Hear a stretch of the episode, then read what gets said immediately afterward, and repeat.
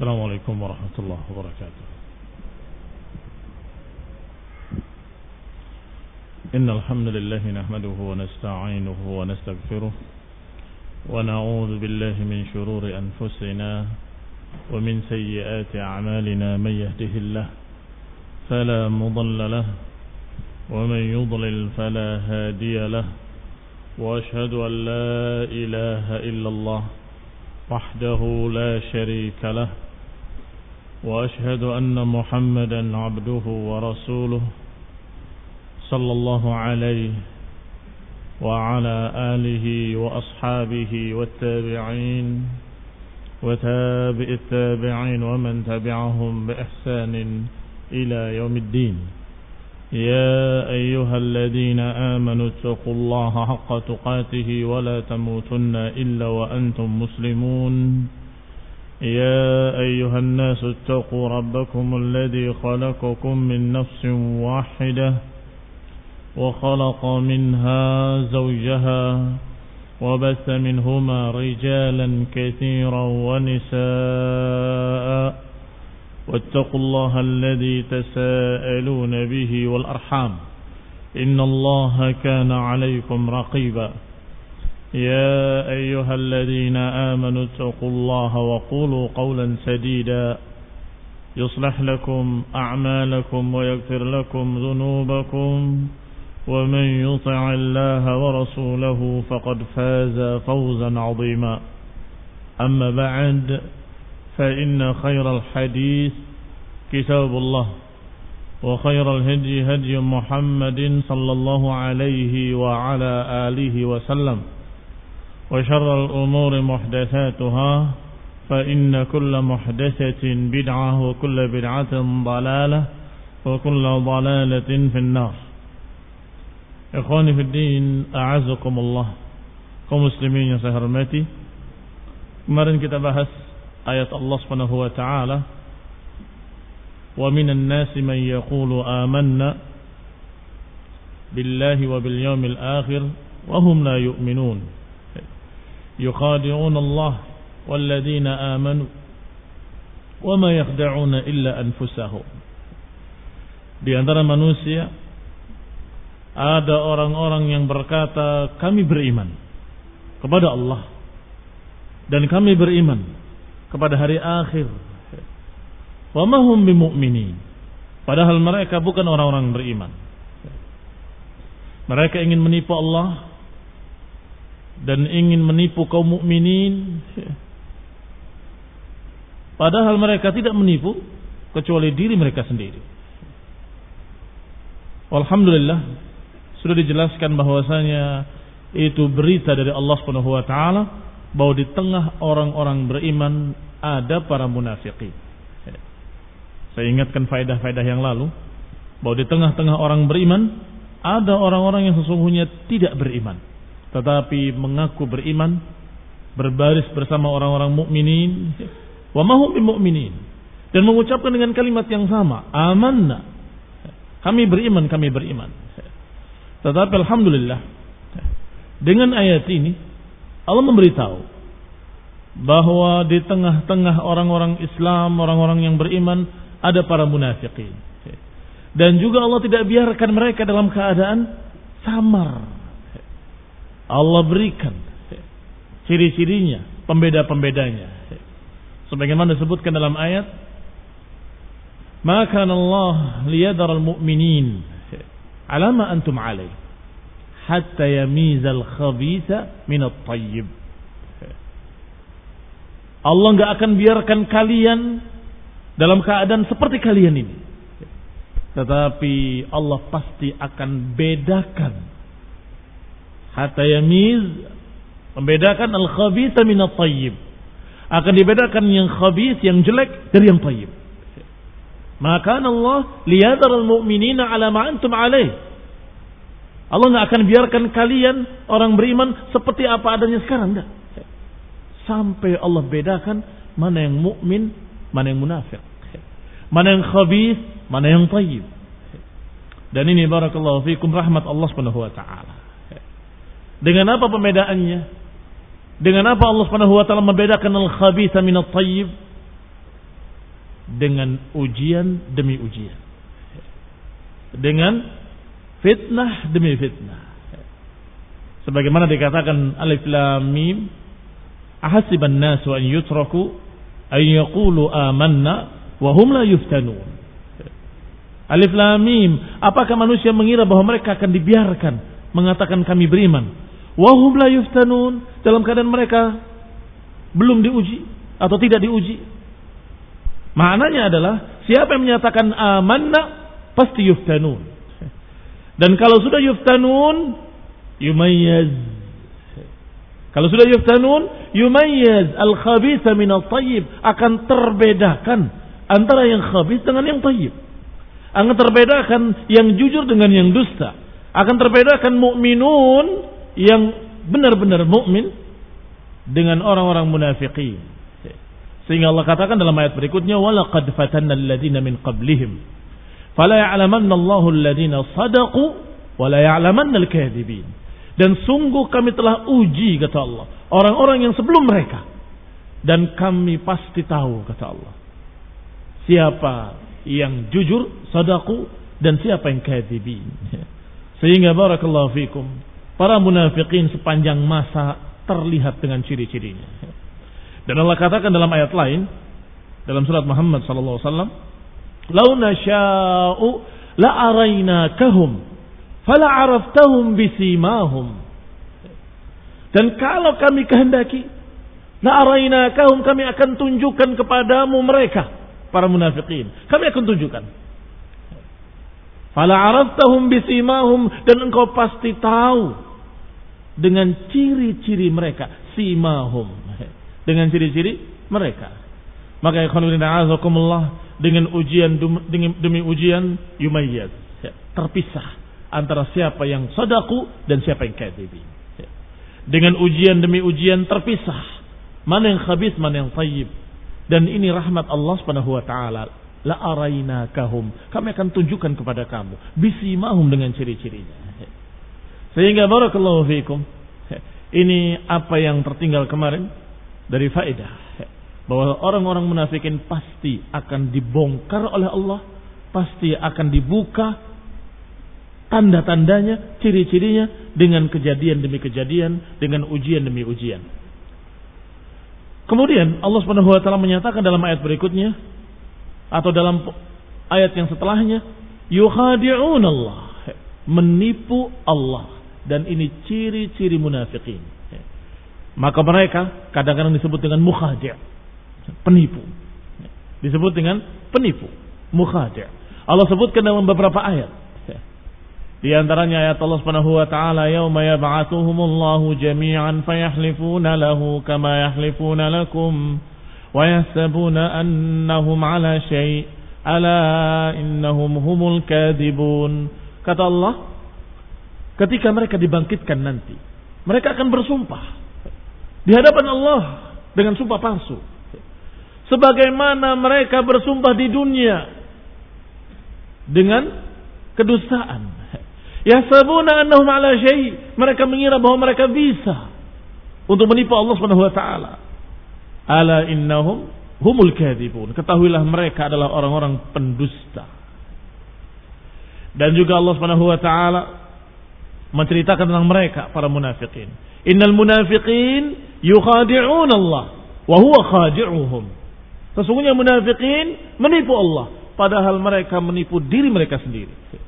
Dan sekian banyak ayat memberitakan bahwa mereka adalah para penipu bahkan sampai di akhirat mereka masih berupaya untuk berdusta. Masih berupaya untuk berbohong dengan sumpah. Wallahi demikian. Demi Allah aku demikian. Padahal saat itu kalau ada yang berani berdusta, apalagi bersumpah dengan nama Allah dalam dusta, maka dipermalukan. Dengan apa dipermalukan? Yauma tashhad. Ketika mempersaksikan lidah mereka, tangan mereka, wa arjuluhum dan kaki-kaki mereka. Maka ketika mereka bersumpah dengan nama Allah, demi Allah aku begini, demi Allah, tangannya berbicara. Kakinya berbicara. Maka mereka kebingungan, lima syahidtum alaina. Kenapa kalian mempersaksikan diriku sendiri? Karena mereka menjawab antakan Allah. Antakan Allah. Allah yang menjadikan kami bisa bicara. Yang membuat seluruh makhluk yang berbicara bisa berbicara. Maka barakallahu fikum. Allah katakan fi qulubihim maradun. Dalam hati mereka ada penyakit. Al-murad bil marad huna yang dimaksudkan dengan penyakit kata Syekh kata muallif Abdurrahman Sa'd rahimahullah yang dimaksud maradus syak wa syubuhat wa nifaq yang dimaksud adalah penyakit syak, penyakit keraguan, penyakit syubuhat, penyakit kebimbangan atau pengkaburan-pengkaburan, penyakit nifak, penyakit nifak, penyakit kemunafikan yang ada dalam hati. Dan itu diriwayatkan dari salaf diriwayatkan di antaranya dari Ibnu Mas'ud radhiyallahu taala anhu. Dan Ibnu Mas'ud menyatakan dari unasin min ashabi Rasulillah dari sekian manusia dari sahabat-sahabat Rasulullah SAW mereka semua menyatakan fi qulubihim marad ay mereka semua berkata yang dimaksud dalam hati mereka ada penyakit adalah penyakit syak demikian pula diriwayatkan dari Ibnu Abbas radhiyallahu taala anhuma Oh fi qulubihim marad kata Ibnu Abbas asyak keraguan. Demikian pula diriwayatkan dari Mujahid, dari Ikrimah, dari Al Hasan Al Basri, dari Abu Aliyah dan Rabi' ibn Anas dan juga Qatadah. Semuanya menyatakan bahwa fi qulubihim marad dalam hati mereka ada penyakit adalah penyakit keraguan, tidak yakin. Amanna billah wal yaumil akhir kami beriman pada Allah dan yaumil akhir padahal hati mereka ragu. Hati mereka tidak yakin. Hati mereka ragu. Ini dikatakan penyakit. Adapun diriwayatkan dari Ikrimah dan Tawus menyatakan fi qulubihim marad ay maradur riya. Marad riya. Riya ingin dilihat oleh manusia, ingin dipuji oleh manusia dan itu sifat yang khas pada munafikin. Sifat yang khas pada munafikin adalah ingin dilihat. Yura'unan nas Sebagaimana disebutkan tentang salatnya mereka, idza qamu ila shalah qamu kusala yuraunan nas. Kalau mereka bangkit untuk salat, mereka bangkit dengan malas. Yuraunan nas. Mereka ingin dilihat oleh manusia.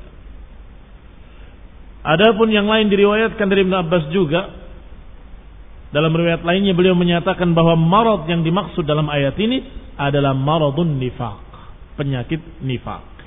Persis seperti apa yang dikatakan oleh beliau oleh al-mufassir al-muallif dalam kitab kita Taisir al-Aziz al-Hamid uh, Taisir al-Karim rahman yaitu Syekh Abdurrahman Sa'id rahimahullah. Bahwasanya yang dimaksud marad adalah syak wa syubuhat wa nifaq. Lianna al-qalba ya'rudu lahu maradan. Karena yang namanya hati selalu dihadapi atau selalu diuji atau dipitnah dengan dua penyakit. Ya kharajan atau yukhrajanihi an sihhatihi wa i'tidalihi yang mengeluarkan hati tadi dari kesehatannya kepada sakit. Menyeret dari keutuhannya kepada kerusakan. Apa dua penyakit ini? Yang selalu mengganggu, yang selalu menghadang di hadapan hati-hati seluruh orang yang menyatakan kami beriman, kami beriman. Yang pertama maradus syubhat, yang kedua maradus syahwat. Adapun maradus syubhat al-batilah, penyakit-penyakit syubhat yang batilah. Syubhat kekaburan-kekaburan. Dan dengan kekaburan-kekaburan hati menjadi syak sehingga nggak bertentangan dengan apa ditafsirkan dari salaf bahwa makna penyakit adalah syak. Karena yang namanya hati selalu digoda, selalu ditentang, dihadang oleh dua penyakit. Penyakit pertama, marad asyubuhat. Penyakit-penyakit syubhat. Yang kalau masuk ke dalam hati, membuat hati jadi ragu. Yang tadinya dia melihat hak adalah hak, setelah masuk syubhat, dia tidak bisa melihat kebenaran ini benar atau tidak benar, ini hak apa batil, jadi kabur. Yang tadinya dia melihat itu hak, terlihat kayak kayak batil. Yang tadinya dia yakin itu batil, tiba-tiba berubah seakan-akan benar. Ini barakallahu fikum karena syubhat. Makanya para ulama sangat berhati-hati dari penyakit syubhat. Penebarnya yang menyebarkan syubhat adalah ahlul balal, ahlul bid'ah. Qala yang kedua kata Syekh As-Sa'di rahimahullah adalah maradus syahwat al-mardiyah. Penyakit syahwat yang merusak. Penyakit syahwat adalah tarikan-tarikan syahwat. Walaupun yakin ini benar. Dan yakin ini batil. Dia tahu dalil-dalilnya. Dia mengerti ayat-ayatnya, mengerti hadis-hadisnya ini hak ini batil. Tetapi karena ada tarikan syahwat, ini memang hak. Tapi kalau saya ikuti rugi saya. Saya akan diusir saya. Saya akan begini, saya akan begitu. Akan sengsara. Ini memang batil. Tapi kalau nggak saya kerjakan kebatilan ini, saya nggak dapat untung. Maka dia tetap kerjakan yang batil. Dan dia tinggalkan kebenaran. Yang dia tahu, kalau ini hak, ini batil. Tapi yang hak ditinggalkan, yang batil dikerjakan karena tarikan-tarikan syahwat. Lihat barakallahu fikum. Yang tadi terkaburkan antara hak dengan batil dengan syubuhat-syubuhat. Dengan pengkaburan-pengkaburan dari ahli bid'ah. Ahlul ahwa. Sedangkan yang kedua, dia masih melihat jelas. Dia masih mengerti dengan jelas ini hak ini batil. Tetapi kalah dengan tarikan-tarikan syahwat. Maka kata Syekh rahimahullah. Qala fal kufru wan nifaq wasyukuk wal bid'ah kulluha min maradis syubuhat. Maka kekafiran-kekafiran, kemunafikan-kemunafikan, keraguan-keraguan, kebid'ahan-kebid'ahan itu semua bentuk-bentuk penyakit syubhat. Bentuk-bentuk penyakit syubhat, pengkaburan-pengkaburan. Fitnah-fitnah berupa syubhat. Kulluha min maradis syubhat. Sedangkan tarikan zina, fawahish, maksiat-maksiat, dosa-dosa, khamr, judi dan sejenisnya.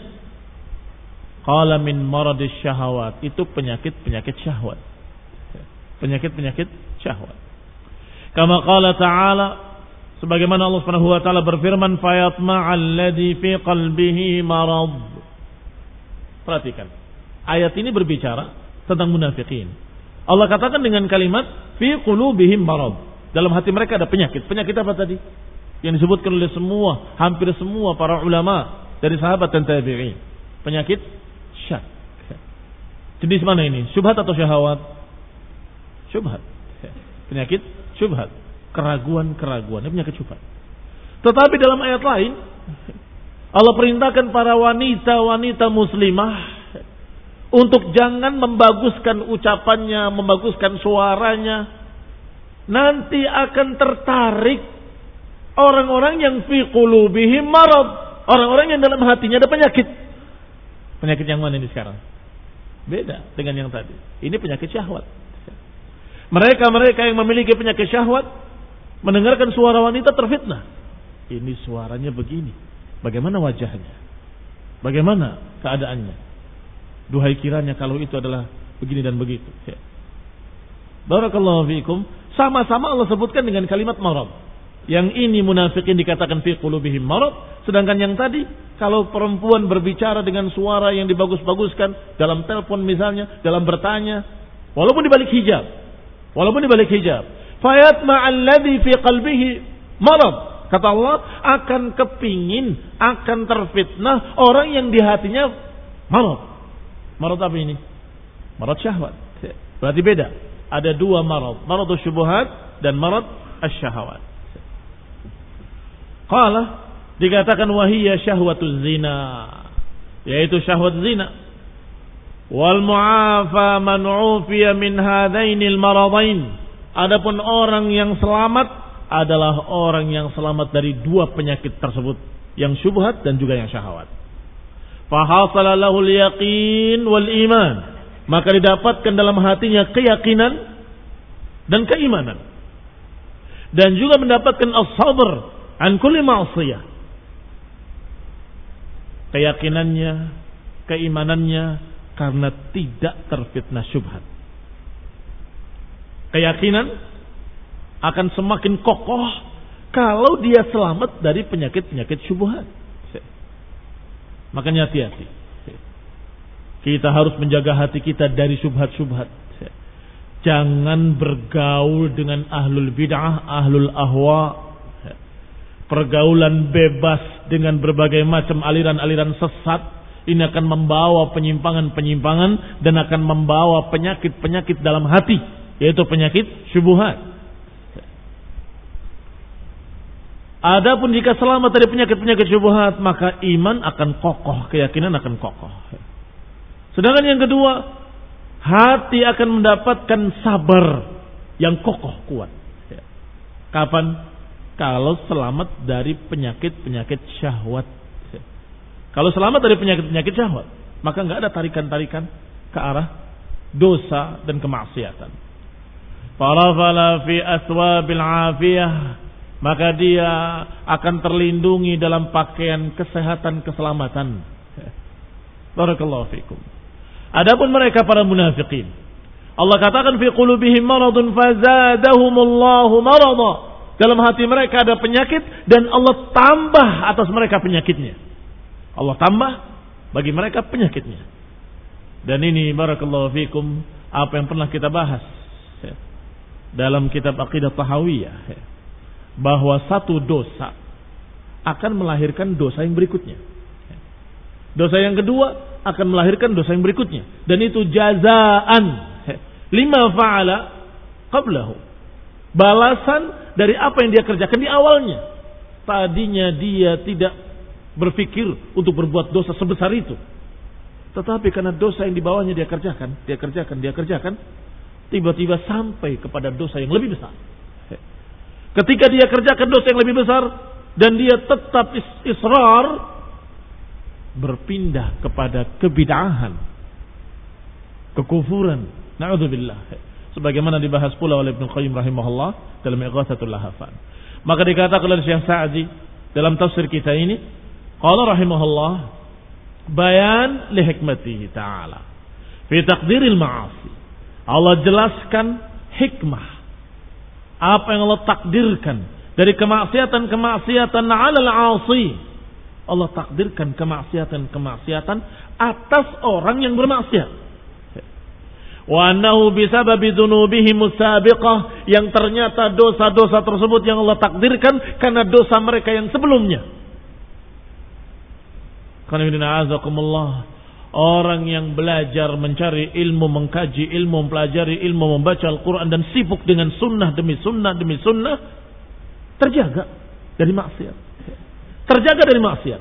Datang ke majelis ilmu, duduk di majelis ilmu, insya Allah. Dia selamat. Kenapa selamat? Sudah di tempat yang baik bersama orang-orang baik. Sudah di tempat yang saleh bersama orang-orang yang saleh. Insya Allah selamat. Dia berbuat perkara penyimpangan kecil saja akan ditegur. Ya akhi, tidak boleh begitu. Iya kan? Bagaimana ketika berbuat sesuatu yang jelek di majlis para tulabul ilm? Malu dia. Dan itu malu yang syar'i. Malu yang syar'i. Selamat. Tetapi kalau dia mulai enggan untuk hadir di majlis ilm, menjauh dari orang-orang salihin, bahkan bergaul dengan orang-orang yang amin, awam, maka mulai bergampang-gampang dengan pelanggaran. Pertama pelanggaran hanya ikut-ikutan. Saya nggak berbuat, saya cuma duduk. Pelanggaran bukan itu. Duduk bersama orang yang bermaksiat. Itu sudah pelanggaran sesungguhnya. Tapi dia nggak merasa kalau itu dosa. Nggak merasa kalau itu kemaksiatan.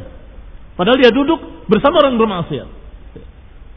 Mulai setelah itu tidak ada yang tahu ikhwan ahlu sunnah, nggak ada yang lihat saya. Berbuat lagi yang lebih besar dari itu. Ikut bersama mereka, ikut berbuat. Dan terus meningkat, meningkat, meningkat, meningkat. Dan yang kedua, ketiga, keempat, jazaan lima fa'alahu qablu. Yang sekian, itu balasan dari Allah karena dia beramal dengan amalan jelek di awalnya. Barakallahu fikum. Sampai-sampai husnul khatimah. Dan su'ul khatimah, kata para ulama, itu tidak tiba-tiba didapatkan. Tiba-tiba orang ini mati dalam keadaan husnul khatimah. Walaupun sebagaimana diriwayatkan. Sudah tinggal sejengkal lagi, tiba-tiba berubah jadi ahlul iman. Kata para ulama itu ada sebab-sebab di awalnya. Ya. Di antara sebabnya adalah ketika dia berbuat dosa, hatinya menolak dan berontak. Orang tidak ada yang tahu, tahunya dia ahli maksiat saja. Tetapi dia sesungguhnya tidak terima dan gelisah. Seorang mukmin adalah apa yang dosa-dosanya membuat jelek dirinya. Ini hatinya gelisah terus. Maka ketika dia tiba-tiba dalam keadaan menghadapi maut, dia ingat dosa-dosanya. Dia taubat. Berubah. Tetapi mereka yang israr dengan tenangnya Berarti dia sudah punya penyakit yang berbahaya, yaitu al-aman min makrillah. Merasa aman dari makar Allah SWT. Penyakit aman dari makar Allah inilah yang menyebabkan nanti dia mendapatkan yang lebih jelek lagi, yaitu su'ul khatimah. Apa aminu makar Allah? Apakah mereka merasa tenang dari adab Allah? Maka husnul khatimah tadi didapatkan dari awalnya dia selalu gelisah, selalu takut dengan dosa-dosanya. Sedangkan yang ini su'ul khatimah karena sebab awalnya dia memiliki dosa besar yaitu al-aman min makrillah. Ada seorang yang bertanya kemarin atau malah tadi pagi. Bagaimana dengan orang yang berbuat dosa? Maksiat-maksiat. Kalau ditegur jawabannya ini kan bukan bukan dosa besar. Ini kan bukan syirik, bukan bid'ah. Seakan-akan nggak apa-apa. Anda bilang bahwa itu dosa besar. Walaupun yang dikerjakannya zatnya dosa kecil, tetapi dosa besarnya adalah al-aman, merasa aman dari adab Allah. Itu sudah dosa besar. Dosa besar itu adalah kesyirikan, merasa aman dari adab Allah dan putus asa dari rahmat Allah. Sehingga barakallahu fikum bukan perbuatannya, perbuatannya dosa kecil. Tetapi ketika dia menyatakan tidak apa-apa, ini kan bukan dosa besar, ini kan bukan maksiat, ah, bukan syirik, ini bukan bid'ah, ini hanya kemaksiatan biasa. Terus kalau kemaksiatan biasa berarti nggak apa-apa. Ini yang barakallahu fikum sangat berbahaya pada hati seseorang. Qal dikatakan oleh Syekh Sa'di rahimahullah, "Hadza hikmah fi takdiril ma'asi 'ala al-'asi. Ini hikmah kenapa Allah takdirkan kemaksiatan pada seseorang ahli maksiat annahu bisababi dzunubihi musabiqah. Itu karena dosa-dosa mereka yang lalu maka ditakdirkan dosa yang lebih besar. Yabtalihim bil ma'asi lahiqah. Allah beri bencana dia dengan kemaksiatan yang berikutnya, kemaksiatan yang berikutnya. Al-mujibah li'uqubatiha yang mengharuskan dia diazab. Sebagaimana Allah SWT menyatakan, afidatahum wa absarahum kama lam yu'minu bihi awwala marrah. Dan kami bolak-balikan hati mereka dan mata-mata mereka karena mereka tadinya nggak mau beriman di awal pertama kalinya. Maka dia adabnya Allah dengan sekian adab karena mereka awalnya tidak mau beriman. Ya. Atau ayat yang semirip dengan itu. Ketika mereka menyimpang, Allah simpangkan hati mereka. Ketika mereka menyimpang, Allah simpangkan. Artinya ketika mereka berbuat satu penyimpangan, dua penyimpangan, maka Allah sesatkan sekalian lebih jauh dari itu. Ya. Akibat perbuatan pertamanya, awal marrah. Ya. Atau sebagaimana yang Allah katakan, وأما الذين في قلوبهم مرض فزادتهم رجسا إلى رجسهم Adapun yang di hatinya ada penyakit, maka kami tambahkan kejelekannya di atas kejelekannya. Kami tambahkan rijis di atas rijis. Fauqubatul ma'siyah, maka balasan maksiat adalah kemaksiatan setelahnya. Lihat ucapan beliau. Fauqubatul ma'siyah, al-ma'siyatu ba'daha Balasan kemaksiatan adalah kemaksiatan yang berikutnya. Semakin mudah bermaksiat, semakin mudah bermaksiat, semakin terjerumus, semakin jauh, semakin jauh, semakin jauh. Kama anna man tawabil hasanah al hasanah ba'daha. Sebagaimana kebaikan, balasannya adalah kebaikan setelahnya. Dia mengerjakan kebaikan yang ini, dimudahkan untuk mengerjakan kebaikan yang itu. Mengerjakan kebaikan yang kedua, dimudahkan untuk mengerjakan kebaikan yang ketiga. Dan seterusnya dan seterusnya. Allah berikan kemudahan demi kemudahan. Wa yazidullahu alladhina huda. Kami tambah orang yang mengikuti petunjuk, kami tambah hidayahnya. Kami tambah petunjuknya. Demikian ikhwan ibn a'azakumullah, kaum muslimin yang saya hormati, bahwa keadaan manusia bahwa mereka yang berbuat dosa-dosa ternyata di antara bentuk balasannya adalah Allah timpakan dengan dosa yang berikutnya yang lebih besar sebagaimana kebaikan-kebaikan. فَأَمَّا الَّذِينَ amanu فَزَادَتْهُمْ إِيمَانًا وَهُمْ يَسْتَبْشِرُونَ yastabshirun. Adapun orang-orang yang beriman, kami tambah keimanannya kata Allah.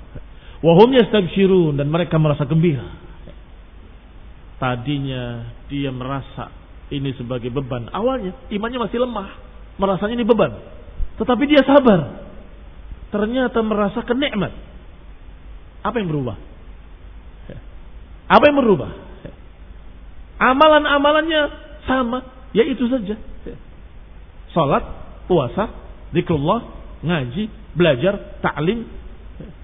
Tapi kemarin ketika waktu lalu awal memulai merasa kalau itu adalah beban berat.